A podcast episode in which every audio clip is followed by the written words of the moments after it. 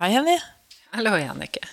Velkommen på hyttetur og innspillingsdager på Jordmorpodden. Ja, vi har glädet oss och har tagit turen till Sandefjord. Här blåser det och Ja, det- regnar. Det kan være det høres litt Ja, det tåler vi. Eh, Jannike, det är mycket som sker med kroppen eh, när man är i graviditet och födsel, men Ja. icke minst etterpå. Eller icke minst, men det sker också mycket med kvinnorna etterpå. Eh, och det är inte lika mycket snacket om eller lika mycket fokus på, och det önskar vi att sätta nå. Eh, en, eh, till exempel så är det ju många som mister håret Ja. när man eh, har fött. Jeg ler av det. Det er ikke morsomt. Nej, det är verkligen morsomt. Det skedde nämligen mig och jag tycker det var nästan det var det värsta. Det for å si det sånn, jeg er jo ikke overraska at det var det verste som kunne skje deg, for med deg så har jo alt gått lett som en plett. ja, det, jag beklagar det då, Jannike. Nei, men det Altså, jeg, kjempehyggelig. alle, alle aspekter må vises frem. Ja, exakt. Men jag, jag syns att det var helt eh, något dritt helt enkelt att tappa håret. Og få ammelugg etterpå. ja, och det har jag fortfarande. Nei da. Jo, tio år efter. Jo, jag har ju det. Eh, Men eh, det, det som är det är också att eh, då har jag lust att säga, vet- du vilket hår det är som växer fortast på kroppen? Nei, nei, jeg vet ikke det. Nej, det är skägget. Å ja. På, på damer òg? Ja, det kan ju faktiskt verka så, för när man har passerat 40 som mig, då börjar man att få skägg. Min dotter hon sa det häromdagen, mamma, du har ju mustasch. så då måste jag fram med pincetten helt enkelt. Ja. Men det är mycket, som, mycket med kroppen som är väldigt morsamt. Då. Det är samma med det att det växer ett barn i magen och att vi utvecklar ett, en helt ny person in i oss är ju fantastiskt. Och äggcellen är faktiskt den största cellen i kroppen. Mm, men det blir jeg faktisk ikke så veldig overrasket over når du skjønner at det kommer et helt menneske ut av den til slutt. Exakt hur mycket som ska faktiskt in där, packas in i den cellen innan det blir, den möter sädescellen, som är 175 000 gånger mindre än äggcellen. Så därför så tänker jag också att vi slår ett slag för kvinnor. Og feminisme. Ja, vi är stora.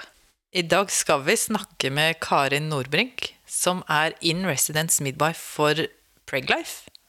Og hun skal snakke om fjerde trimester, som vi syns er viktig å begynne å fokusere på, Jenny. Mm, det är på tide att anerkänna kvinnors eh, både fysiska och psykiska hälsa efter man har fött. Ja, ikke bare fokusere på barnet, men mammaen også. Du lytter nå til Jordmorpodden, en podcast om allt mellan himmel och helvete. Här ska du få klar tale, kärringråd, vi ska ha fagdiskussioner och vi ska dela erfaringar och upplevelser.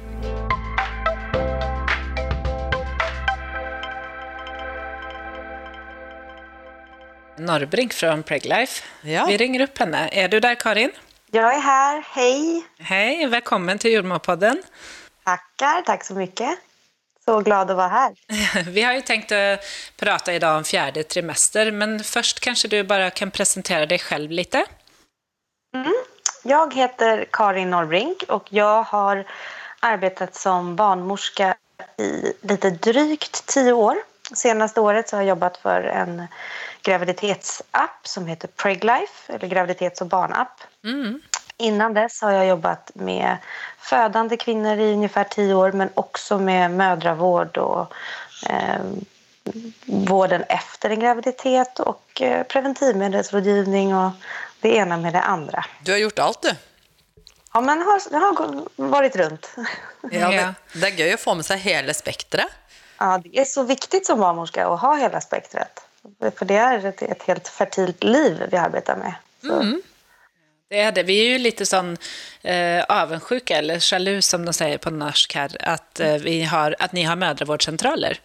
Att det är någonting som vi här i Norge borde jobba eh, till och få. Ja. För här har vi ju inte, vi har ju, alltså de kvinnorna följs ju upp i hela svangerskapet och sånt, men det är inte egna liksom, klinikker för mödravård. Nei. Som, De eh, møter ikke på de samme menneskene gjennom hele. Jeg føler at det er mer, jeg opplever at det er mer kontinuitet over det i Sverige, da. ja, men det är ju ett av ledorden eh, för mödravården. Sen har man gått ifrån benämningen möd- mödravårdscentral och gått till barnmorskemottagning. Och då är det på en barnmorskemottagning man går eh, oavsett om det handlar om eh, svangerskap eller graviditet eller preventivmedel eller klimakterium eller så. Så det är fint tycker jag att man har sin barnmorska för vilken situation man än befinner sig i Ja, inte sant? liksom. Ja, och, och att vi får brukt eh, jordmödrarna eh, till eh, allt möjligt. Alltså Ja. det som vi är goda, alltså kvinnohälsa egentligen. Då. Ja, Precis. for barnmorske og jordmor er da det samme, for de Ja. som ikke vet det. Ja, det ska Ja, vi se. ja. Men nå, den här eh, episoden ska vi prata om fjärde trimester.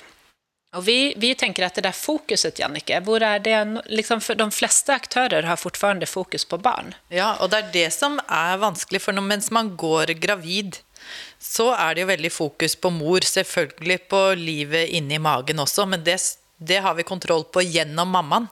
Mens når babyen er ute, så spør alle hvordan går det med babyen, og hvordan spiser den, hvordan legger den på seg. Og så glemmer man hele mammaen som faktisk er ansvarlig for den. da.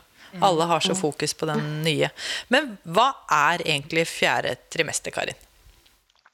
Men fjärde trimestern är någon, någonting eh, som grundar sig egentligen från en barnläkare. Eh, han myntade det uttrycket. Han, hette Harvey, eller han heter Harvey Karp. Han är australiensisk barnläkare.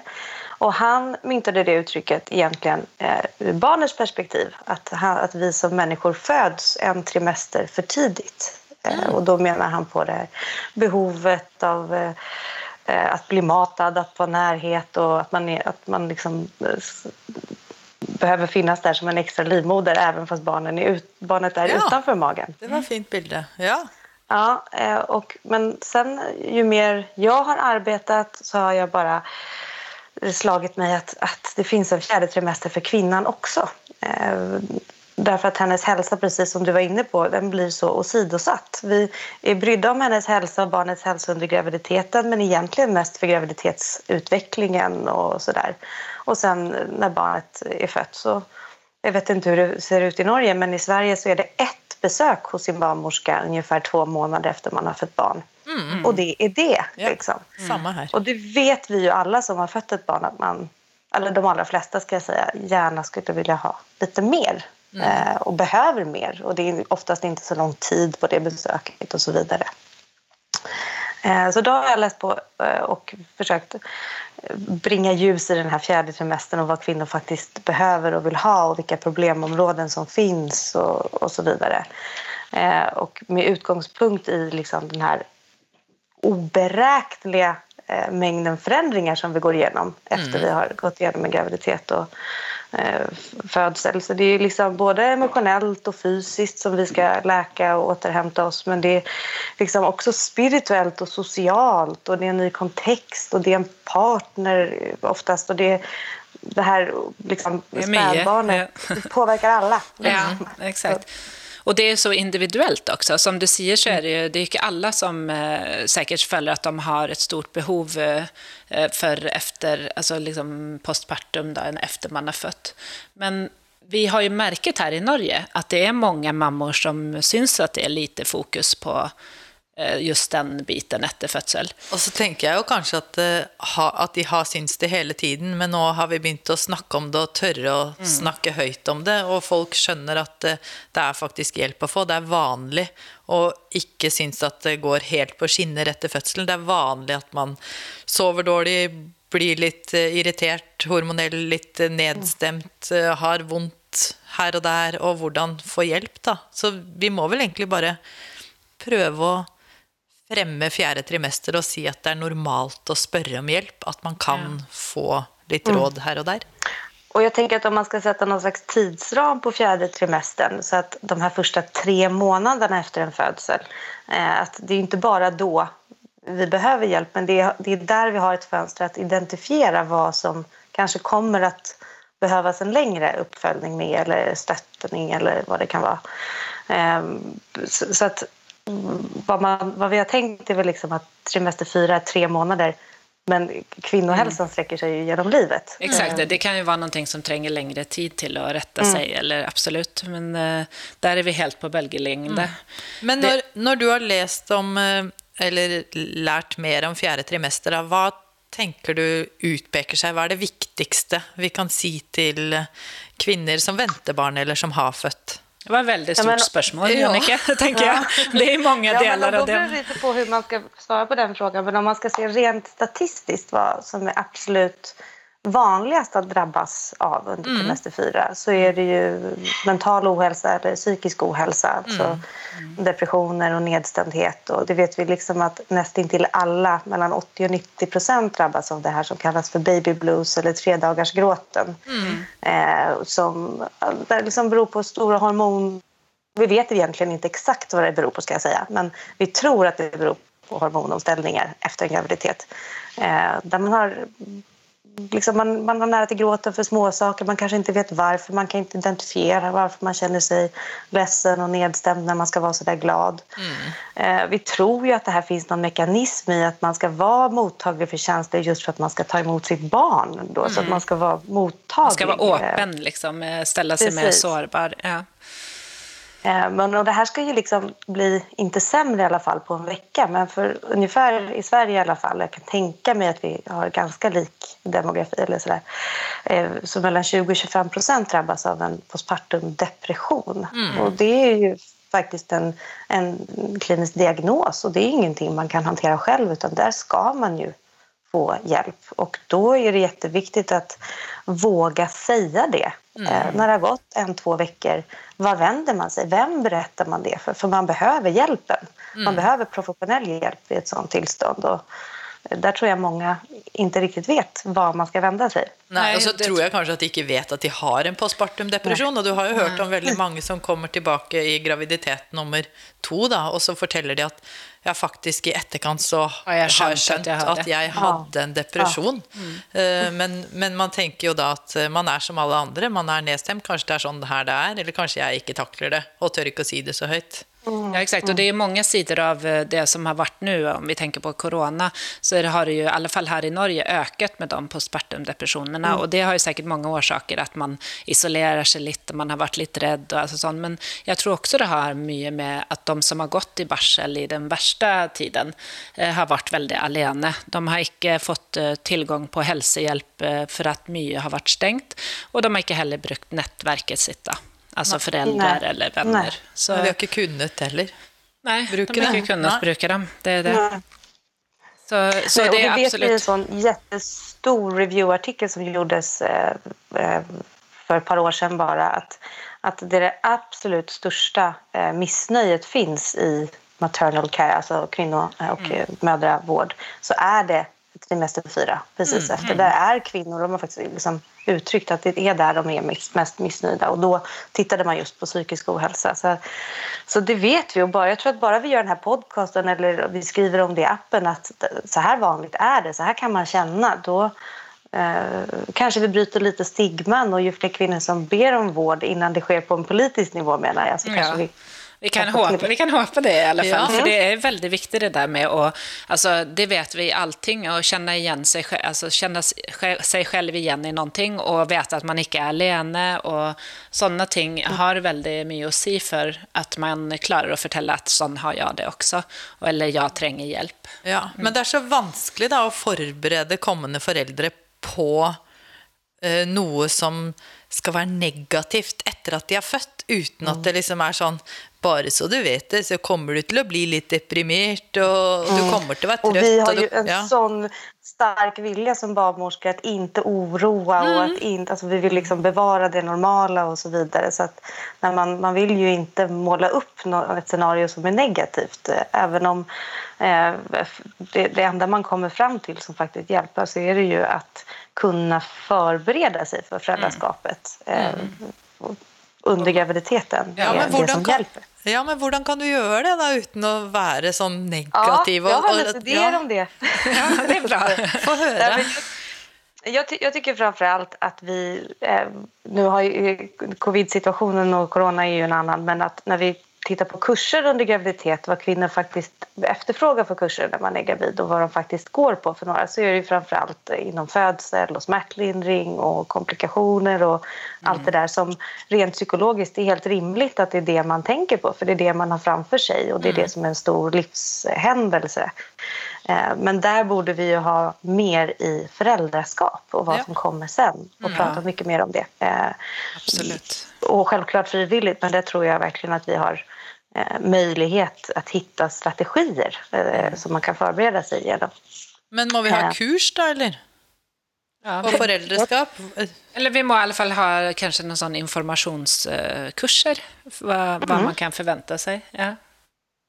ja, vi har ju en hel del i appen, i Preglife-appen mm. så har vi eh, så att det finns veckobaserad information och det har ju varit lite av mitt Eh, uppdrag med hela den här perioden av att förbereda mig, det är ju att få faktiskt, vad händer i kroppen den här veckan? Vad händer i kroppen nästa vecka? Och eh, med kroppen menar jag då både fysiskt och emotionellt och eh, runt omkring och sådär. Så att den, där kan man ju liksom alltid förbereda sig genom att läsa innan också. Mm.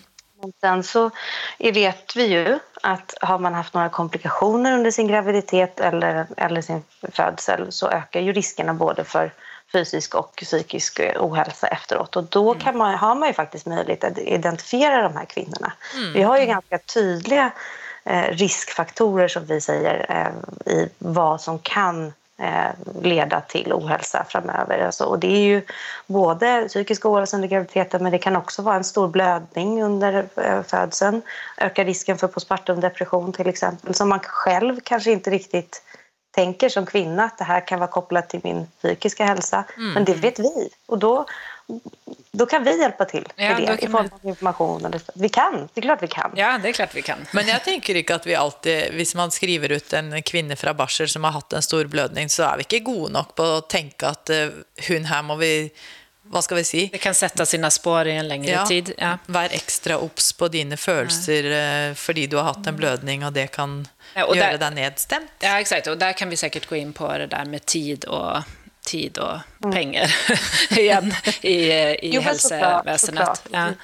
Men det är absolut viktigt med kursing och jag tänker att eh, att vi förbereder sig på föräldrarollen, det där med att man, eh, alltså ens personliga behov blir inte riktigt lika lätt tillgodosett när man har blivit mor. Och att parförhållet ändras, eh, dynamiken Precis, och det var, var min nästa, att eh, mycket har vi som barnmorskor och vården ett ansvar eh, att hjälpa kvinnan, men det är det finns också mycket studier som visar på att, att partners roll är ibland det viktigaste stödet för mm. kvinnan. Mm. Så att ta med partnern och liksom, om man har en sån då såklart, eller en annan stödperson i sin närhet eh, som bara liksom veta de här tecknen, mm.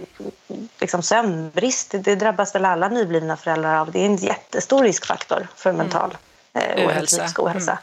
Eh, så att man liksom tar hand om varandra.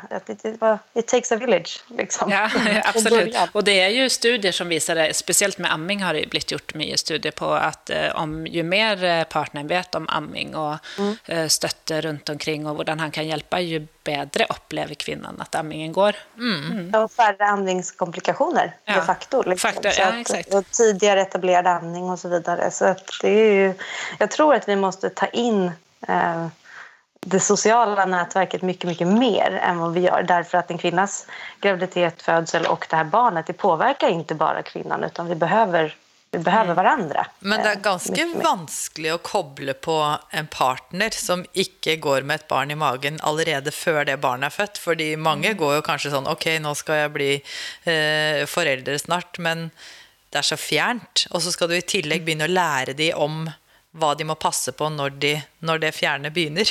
Ja, mm. det är mycket nytt som och, sker. Ja.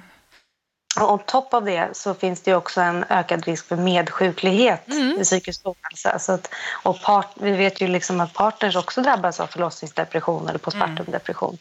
Och ännu högre risk om den ena eller den andra i paret eh, har psykisk ohälsa. Så jag tror att det inte är så länge sedan man började mäta partner. Eh, men, men de siffror jag har sett i Sverige så ligger det på mellan 4 och 6 procent. Så det är ganska högt ändå. Ja, ja högt. Och det är säkert ett eh, lite större mörkertal där än ja. vad det är på kvinnorna. Ja, för de må ju ha ännu större terskel för att spørre om hjälp och tänka ja. sånn Altså, hvilken plass är det de tänker att de förtjänar? Ja, exakt. Här, här är det barnet Barn vi ska först, ta vara mor sen. Ja. Ja. Det är mycket annat. Alltså det är plager som du snackat om, alltså blödning och rifter och sånt som kan göra att det komplicerar mm. också.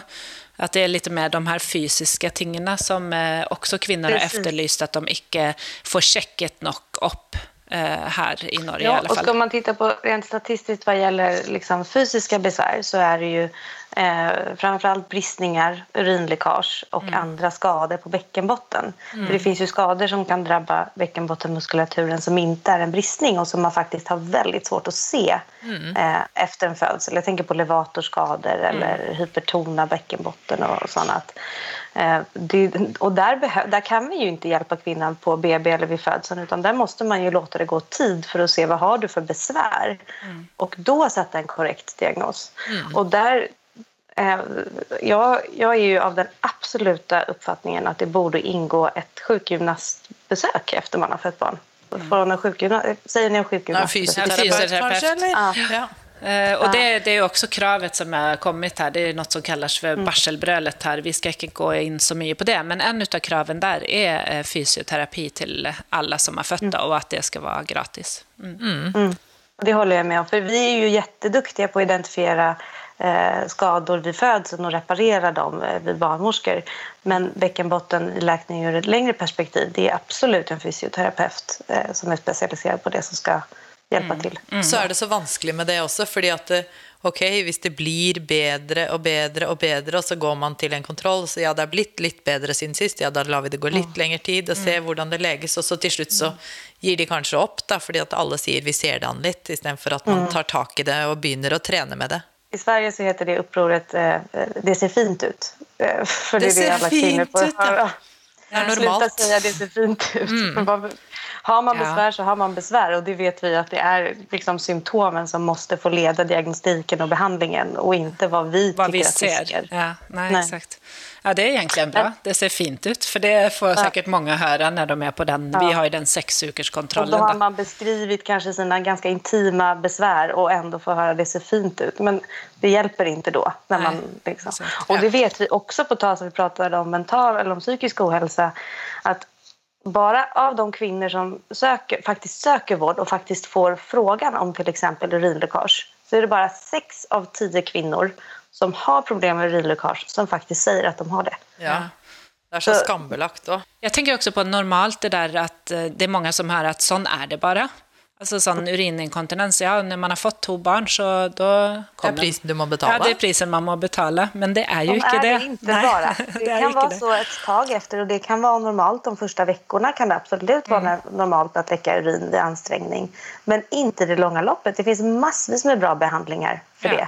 det. Eh, som inte bara är bäckenbottenträning och eh, knipövningar utan det finns läkemedel och det finns operation och det finns mm eh, det finns mycket mer man kan gå till. Så, så igen, våga prata om det. Ja. Precis som vid psykisk ohälsa. Ja, fordi mange av, de, altså mange av de plagene man har etter man har født, er jo på en måte tabubelagt med mm. rifter og hemoroider og smerter nedentil. Og der hører du jeg sier bare nedentil, liksom. At vi pakker der det så veldig nede, säger du. Där nede. ja, men samlagssmärtor ja. kan ju också bara liksom störa ett, ett reproduktivt liv ja. på ett sätt som är supersorgligt om man inte vågar Absolut. prata och, om det. Och också det att få inkontinens av avföring. Mm. Alltså det är ju en mm. del som har det och det tror jag är nästan eh, om möjligt mycket värre att snacka om mm. än eh, inkontinens av urin. Mm. Ja. Men heldigvis inte lika ofta. Nej, nej, nej absolut inte. Det är det som det händer. är... Det, det, det händer. Det, händer ja. och, och, det kan vara en... Vi måste skilja på bristningar och förlossningsskador. Alltså, en bristning är någon som upp, någonting som uppstår som vi lagar och en förlossningsskada är någonting eh, som där en bristning inte har läkt eh, eller inte blivit upptäckt och som är över tid. Liksom. Och då tänker jag om man jämför med en, en idrottande, någon som får en skada vid en, en stor en träning eller en stor prestation eller påfrestning, då får man sjukgymnastik. Då får man rehabträning mm. och då får man sådär. Varför får vi inte det vid en sån här typ av skada? Ja, och det har de ju sagt här också, bara man har ett eh, kejsarsnitt, ett elektivt, ett mm. planlagt kejsarsnitt, så vanligtvis när du går på sjukhuset och har en operation, då, så får du ju sjukmelding och mm. uppföljning efterpå. Här föder du då mm. med kejsarsnitt och så reser du hem. I bästa fall så får du en liten broschyr med hur du ska ta dig upp ur sängen. Eller ja. så. Men, men, eh, Ingen sykemelding. Och så har du i tillägg ett uh, nyfött barn och alla de omställningarna och amming och, ja, som du ska sätta dig in i. Det är mycket, mycket där som, eh, som man inte är van vid. Som man må förbereda Som man må förbereda hodet på, ja. Och den mentala hälsan är ju också något som kanske inte är lika mycket fokus på som den fysiska. Då. Men jeg opplever jo at vi har mer eh, fokus Kanskje det er fordi jeg har gått fra å jobbe ba, bare på føde og barsel til i svangerskapsomsorgen, men nå har jeg i hvert fall mer fokus på den psykiske eller mentale helsen da, tidlig i svangerskapet. Og hvis man har noe kjent, eller klarer å skape tillit, da, så man får fram de eh, problemene eller utfordringene man har, eller diagnoser som man har, så får man startet noe forebyggende arbeid for å eh, kanskje klare å forhindre postpartumdepresjon. Da, at man har mer fokus på det nå enn før. Er det feil, Karin? Jag, jag upplever så i Sverige att vi har börjat med det här som kallas för EPDS. Jag vet inte om ni har Jo, vi har det här gör vi. också. Ja, under graviditeten också, Ja. i tidig graviditet. Så vi screenar, eh, vi, beroende på vad första screeningtillfället är, så screenar vi under graviditeten och sen efter graviditeten också. Ska vi kanske se vad EPDS är då? Du som Hva jobbar- det står for? Ja, exakt. Ja, Alltså, det kan jeg ikke si. Nej, Eh, Edinburgh Erg- Postnatal Scale of Depression. Ja, för. exakt. Så det är en sån skala som man skårar då, och hur man har det, helt enkelt. Och som Mm. Karin säger, om man har en dålig, alltså inte dålig sån, men score på den skalan, så fortsätter man då med lite tätare Og scoring. det er rett og slett helt sånn basale, daglige gjøremål. Men där kan jag, om, om jag får vara vara lite eh, kritiserande, att så här, vi har de här screeningverktygen och de har vi haft efter graviditeten ganska länge men vi har ingen som följer upp, vi har dåligt med resurser. Så vad hjälper det om vi tar reda på allt det här om vi sen inte kan ta ansvar för de svaren vi får? Nej. Eh, Det är ju där alla brister verkligen ligger. Eh, Och vi vet, det man har gjort studier på, vi vet faktiskt att till exempel mindfulness, eh, som form av meditation under graviditeten minskar nivån av stress, ångest och depression efter graviditeten. Det är liksom evidensbaserat att det hjälper. Eh, och vi vet att, att om vi inte identifierar eller inte följer upp eh, så kan vi få mycket, mycket värre tillstånd eh, framöver. Så vi vet allt det här. Vi vet behoven och vi vet vad vi kan göra. Vi vet vad det finns för diagnostik och behandling för fysiska besvär också. Men där händer inget. Nej. Så Nej. att det är ju inte det att vi inte kan. Vi kan massa saker, men vi gör det bara inte. Nei, og jeg tenker at det er enda farligere å skrine noen og ikke ta eh, tak i det man finner, enn å ikke skrine noen. Fordi at når man da har stilt alle disse spørsmålene og skjønt at man, dette skårte jeg ganske dårlig på, og så skjer det ikke noe, da er det hva, hva annet får Vad til da? är tillit och man kanske skapar ett hopp och så Ja. blir det inte något av det. Har du några egna erfarenheter med fjärde trimester, eh, Karin? Jag tror att jag är en sån, eh, ganska typisk som du pratade om i början, eh, Janet. Eh, tog jättelång tid efter mitt första barn. Jag har tre barn. Eh, och efter mitt första barn att förstå eh, att jag var deprimerad. Att jag tyckte inte det var så kul att vara mamma och jag hade många i min omgivning som blev föräldrar samtidigt. Och de var njöt och var så duktiga och var i parken och jag tyckte bara att det, jag förstod inte. Och sen blev jag gravid jättetätt inpå med min andra. Jag tror inte att jag hade tagit mig ur den här depressionen när jag väl blev gravid med min andra eh, son. Och då blir man ju liksom lidande. Det vet vi ju hur Ja. ansträngande det är för psyket att vara gravid redan. Och då gå in i, i det med...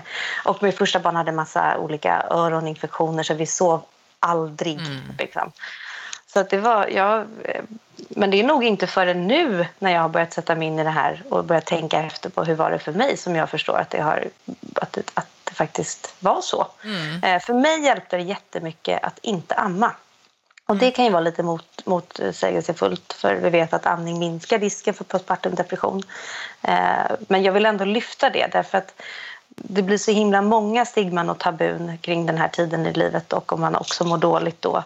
Om det är så att man har sömnbrist på grund av en komplicerad amning då kan det faktiskt vara värt att eh, börja ge ersättning eller flaska parallellt för att mamman ska få vila. Och det är liksom okej om det är det som funkar för en själv. Ja, absolut. Så man måste, vi får inte, vi får inte liksom lägga ännu mer krav på att allt ska vara välfungerande om man redan befinner sig i en ansträngd situation. Så att, Jag tror också det att det är viktigt för mammor att höra.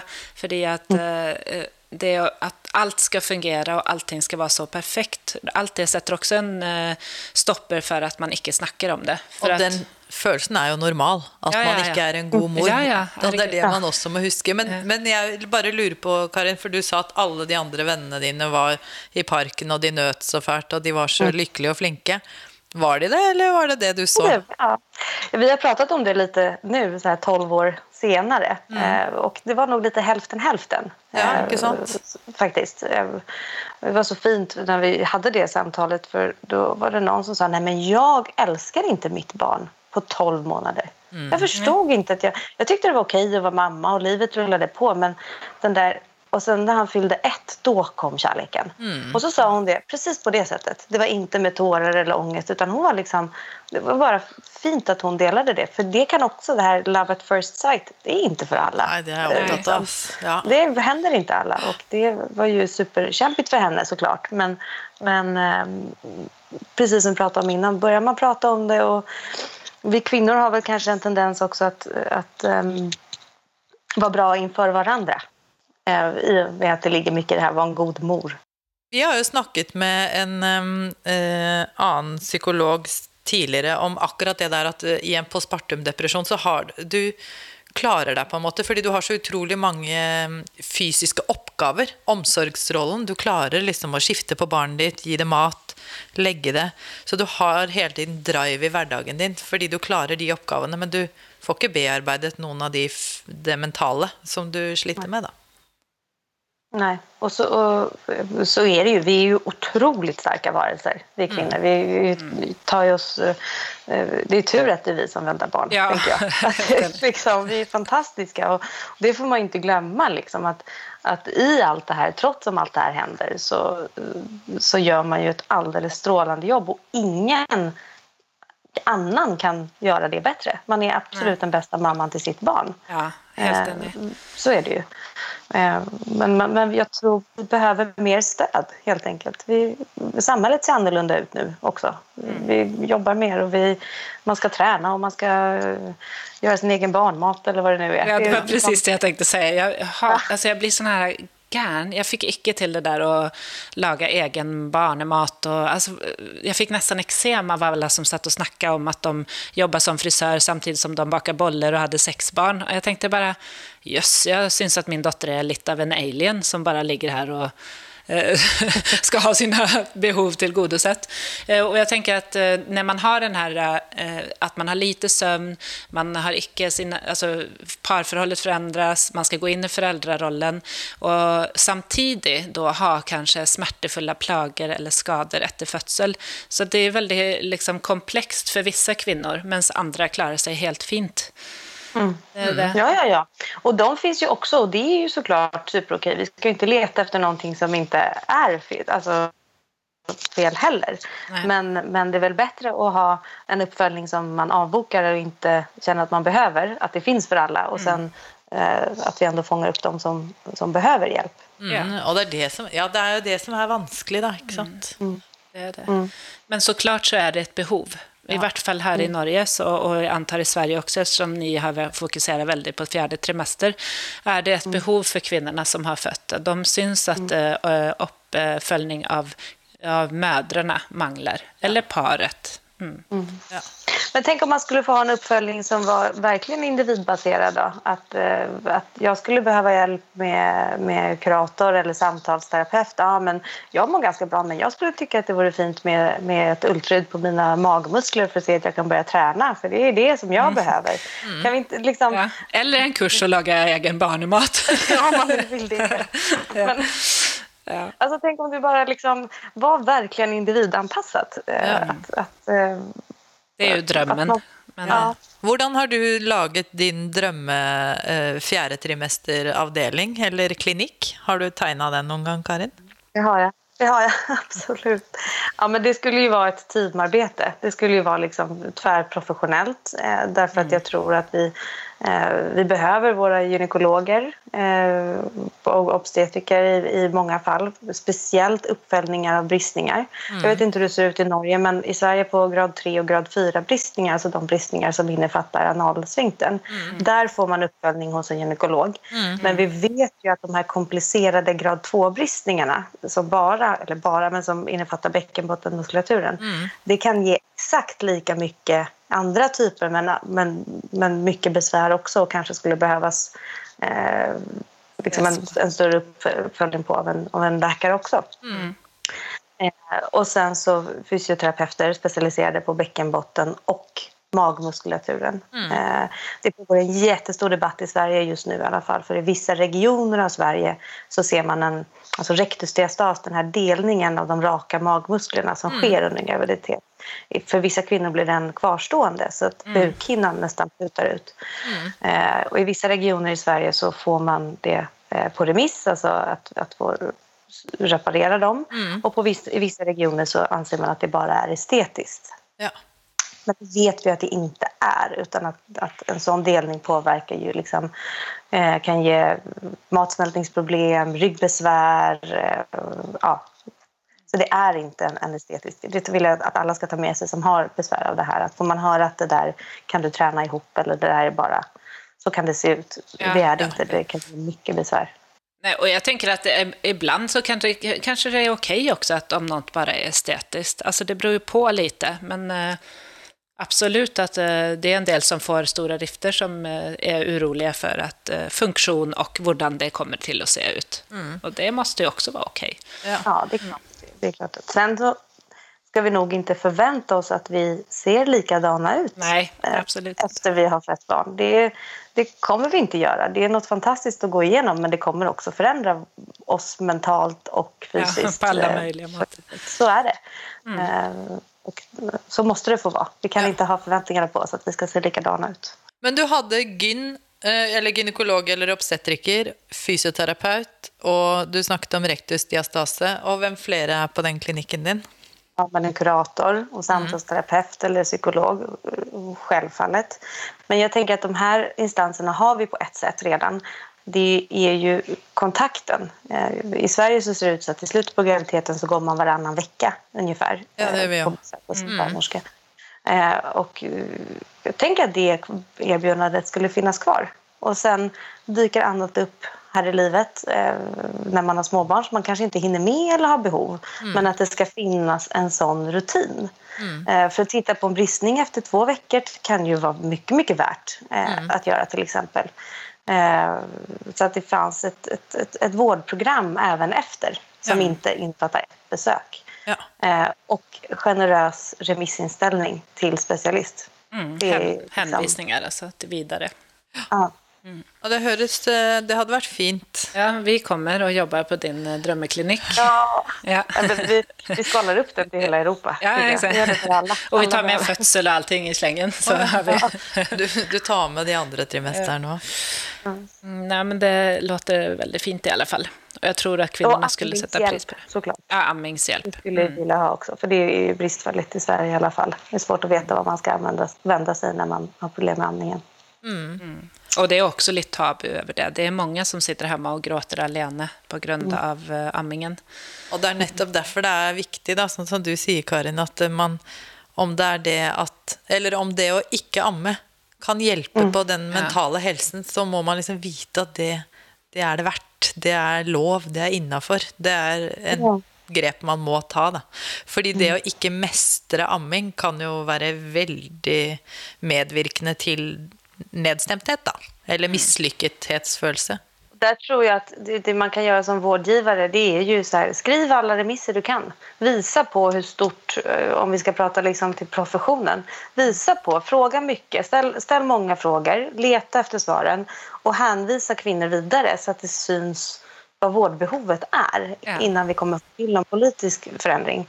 Eh, och utgå från patientlagen, för den gäller i alla andra situationer av vården. Så, så, så bör den göra nu också. Absolut, och då, på det sättet så visar vi också att vi tar kvinnorna på allvar. Mm, och det är precis. också en utav viktig, viktig faktor. Ja. Nej, men Karin, vi kommer säkert snackas fler gånger. Ja, det det, var, jag. Ja, det var väldigt hyggligt. Och vi, har ju, vi märker ju att vi är på samma våglängd, bølgelängde, som du brukar ju, Ja, jeg det ble liker du. veldig norsk i dette svenske våglengdegreiene her nå. Ja. Nej, men så, så då får du ha en fortsatt trevlig dag. Och vi ska pröva att inte regna Tack bort här i. Sandefjord. Ja, tusen takk for eh, at du deltok og delte med oss, Karin. Ja, tack. Tack för att jag fick vara med. Tack. Ja, det var jo veldig mye vi fikk vite av eh, Karin nå, men jeg kjenner at det ble litt grann svensk jeg enig. Ja, det var i grunden lite dejligt att prata något annat än norsk med dig bara. Men, ja, jeg- nej, men det känner jag. Det blev lite många svenska ord. Ja, så eh, blant annet vården. Hva er vården? Hun Vården sier det är- veldig mye på slutten. Ja, för det är pleje. Det er pleie. Och det är pleje av eh, kvinnorna i fjärde trimester som vi egentligen fokuserar på. Då. Ja, og denne episoden her er jo bare en slags kickoff for oss og fjerde trimester, for vi vet jo nå at eh, barselopprøret, eller barselbrølet, det er jo der for en grunn. Mm, exakt, och vi, vi i Jordmopodden vi vill ju gärna fokusera på fjärde trimestern och en liten tid framöver, eller hela tiden egentligen. Det kommer komma som eh, drupp, drypp, drupp med eh, episoder framöver som handlar om fjärde trimester. Och som Karin sa efter vi la på så är ju det fjärde trimester väldigt mycket. Men eh, att vi, inte vi nämnde inte alla delar av fjärde trimestern. Också på den här Nej. episoden. Absolutt ikke, fordi dette temaet, eller feltet, tiden, den er, det er så stort, da. Så vi må ha mange, mange episoder på dette. Det går ju från att vara, alltså det är mycket psykiskt, vi var ju mest på den mentala och psykiska biten och med Karin, men eh, det är ju både fysiskt och psykiskt. Ja. Och, och socialt, och som, det sa ju Karin så fint i begynnelsen, att det är många delar av den. Och det är mycket som förändras när man blir förälder. Ja, og det hadde vært drøm hvis det hadde vært sånne klinikker, da, som hun snakket om, hvor vi har så utrolig tverrfaglig eh, personal eh, personell, og man får så tverrfaglig oppfølging.